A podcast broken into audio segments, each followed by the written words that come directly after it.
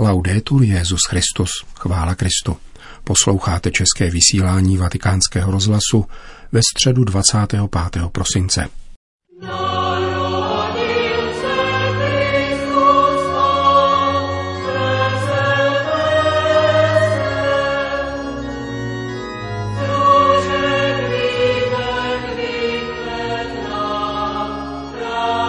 Nečekejme, až církev bude dokonalá, abychom ji měli rádi. Začněme my, kázal papež při liturgii narození páně na štědrý den večer. V poledne na boží hod pronesl z loďie svatopetrské baziliky tradiční vánoční poselství.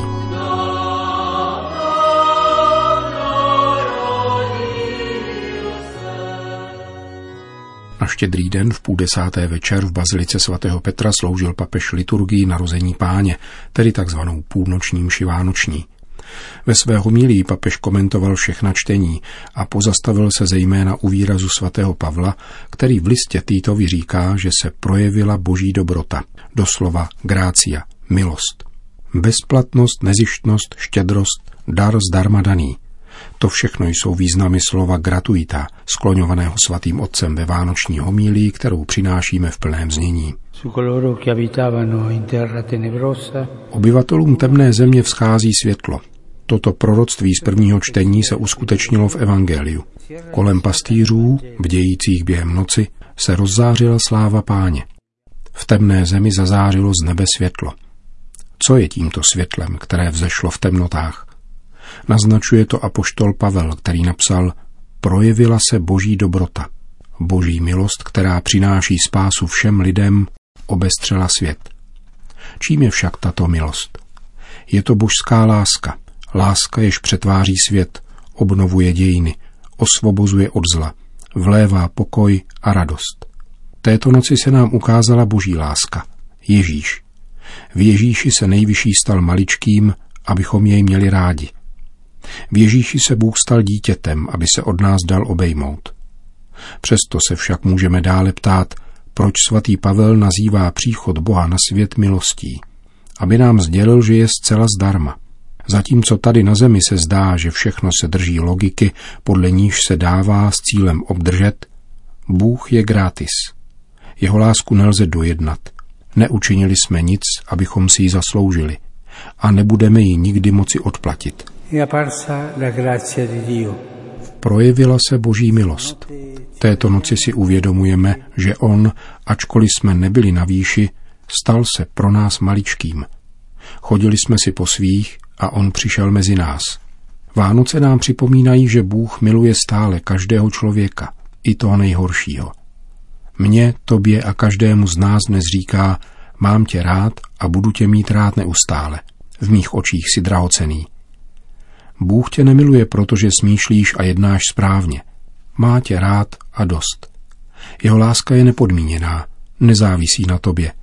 Můžeš mít pochybené ideje, můžeš napáchat všechno možné, ale pán tě nikdy nepřestane mít rád. Kolikrát jen si myslíme, že Bůh je dobrý, pokud jsme dobří my, a že nás potrestá, pokud budeme špatní. Tak tomu není. Miluje nás nadále i v našich hříších. Jeho láska se nemění, není nedůtklivý, je věrný a trpělivý. A to je vánoční dar. Úžasný objev, že pán, toť veškerá možná štědrost, veškerá možná laskavost. Jeho sláva nás neoslepuje, jeho přítomnost nás neděsí. Narodil se zcela chudým, aby nás získal bohatstvím svojí lásky. Projevila se boží milost. Milost je synonymem krásy. Této noci v kráse boží lásky znovu objevujeme i svoji krásu, protože jsme Bohem milováni. V dobrém i ve zlém, ve zdraví i nemoci, ve štěstí i smutku jsme v jeho očích krásní. Nikoli proto, co děláme, nýbrž proto, čím jsme. Je v nás nesmazatelná, nedotknutelná a nepotlačitelná krása, která je jádrem naší existence. Dnes nám to připomíná Bůh, který s láskou přijímá a přisvojuje si naše člověčenství a snoubí se s ním navždy. Opravdu veliká radost, zvěstovaná této noci pastýřům, patří všemu lidu. V o něch pastýřích, kteří zajisté nebyli svatí, jsme přítomni také my se svými křehkostmi a slabostmi. Jako povolal je, povolává Bůh také nás, protože nás má rád. A v temnotách života nám říká stejně jako jim, nebojte se, odvahu, nestrácejte důvěru, nepozbývejte naději. Nemyslete si, že prokazování lásky je ztráta času. Této noci láska přemohla bázeň, projevila se nová naděje a laskavé boží světlo přemohlo temnoty lidské arogance. Člověčenství, Bůh tě miluje a kvůli tobě se stal člověkem. Už nejsi samo. Cari fratelli e sorelle, Drazí bratři a sestry, che cosa fare di fronte a questa grazia? co dělat, když stojíme před touto milostí? Jedno jediné, přijmout tento dar. Dříve než se vydáme hledat Boha, nechme se hledat od něho, který nás hledá prvně. Nezačínejme svými schopnostmi, nýbrž jeho milostí, neboť on, Ježíš, je spasitel. Pohleďme na dítě a nechme se ovinout jeho něhou. Bez výmluv, proč jsme se od něho nenechali milovat, neboť to, co se v životě nedaří, co v církvi nefunguje a co ve světě nejde, už nebude omluvou. Ustoupí do pozadí, protože vzhledem k Ježíšově šílené lásce, která je zcela mírná a blízká, neexistují výmluvy. Otázka Vánoc zní, dovoluji Bohu, aby mě miloval, svěřuji se jeho lásce, která mě přichází spasit. Tak veliký dar si zasluhuje velikou vděčnost. Přijmout milost znamená umět děkovat. Naše životy však plynou nezřídka daleko od vděku. Dnes je ten správný den, abychom přistoupili ke svatostánku, k vánočnímu betlému, jesličkám a vyjádřili vděčnost. Přijměme dar, kterým je Ježíš, abychom se pak jako Ježíš stali darem. Stát se darem znamená dát životu smysl a je to ten nejlepší způsob, jak změnit svět. Změníme se my, změní se církev. Dějiny se změní, když začneme snahou měnit nikoli druhé, nýbrž sami sebe, tím, že ze svého života učiníme dar. Ukazuje nám to Ježíš této noci. Nezměnil dějiny tím, že někoho přinutil, nebo silou slov, nýbrž darem svého života. Nečekal, že se staneme dobrými, abychom se měli rádi, ale nezištně se daroval nám. Ani my nečekejme, až se blížní stane dobrým, abychom mu prokazovali dobro. Až církev bude dokonalá, abychom ji měli rádi. Až nám druzí umožní, abychom jim sloužili. Začněme my. V tom spočívá přijetí daru milosti. A svatost není nic jiného, než opatrování této bezplatnosti.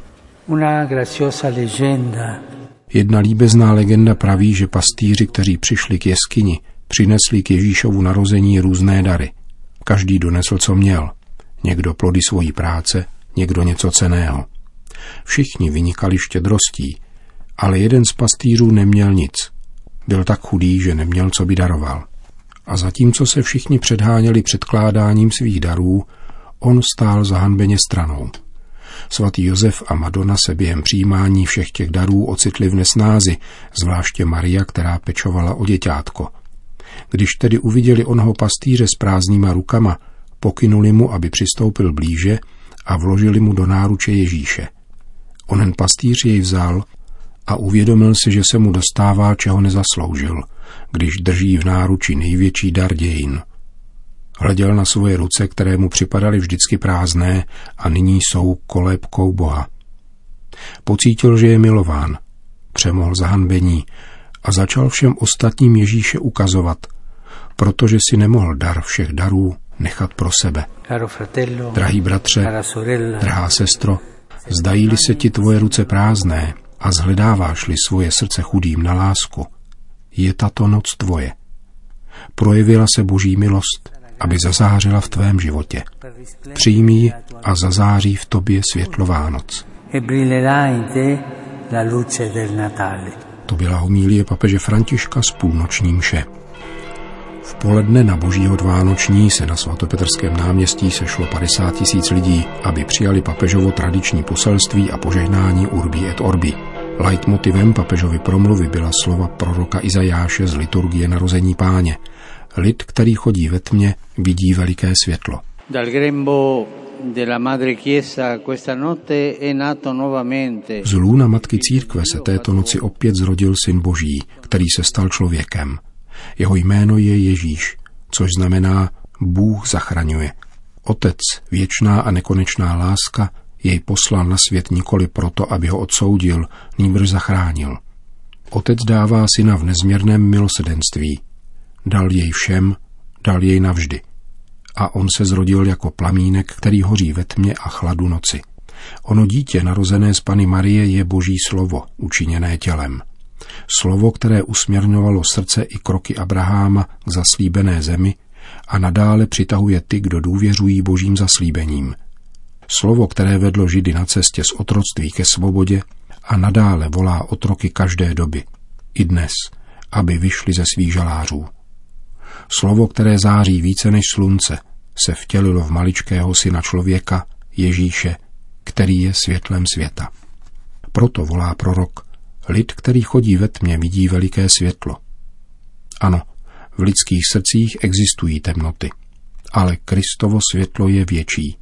Existují temnoty v osobních, rodinných a sociálních vztazích, ale Kristovo světlo je větší.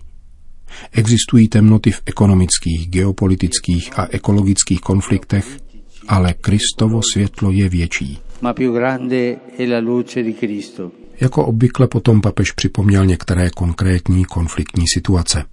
Na Blízkém východě, v Sýrii, v Jemenu, Libanonu, Svaté zemi a Iráku.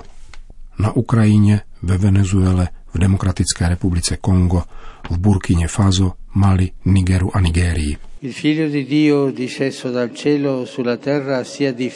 Boží syn, který se stoupil z nebe na zem, ať chrání a podporuje ty, kdo v důsledku těchto či jiných nespravedlností musí emigrovat v naději na bezpečnější život. Je nespravedlností nutit je překonávat pouště a moře, které se mění ve hřbitovi. Je nespravedlností nutit je snášet nevyslovitelná příkoří, otroctví všeho druhu a mučení v nelidských detenčních táborech. Je nespravedlností vyhánět je z míst, kde mohou mít naději na důstojnější život a konfrontovat je s bariérami lhostejnosti. Emanuel ať je světlem pro celé raněné lidstvo, ať dá pookřát našim často zatvrzelým a sobeckým srdcím a učiní z nás nástroje svojí lásky.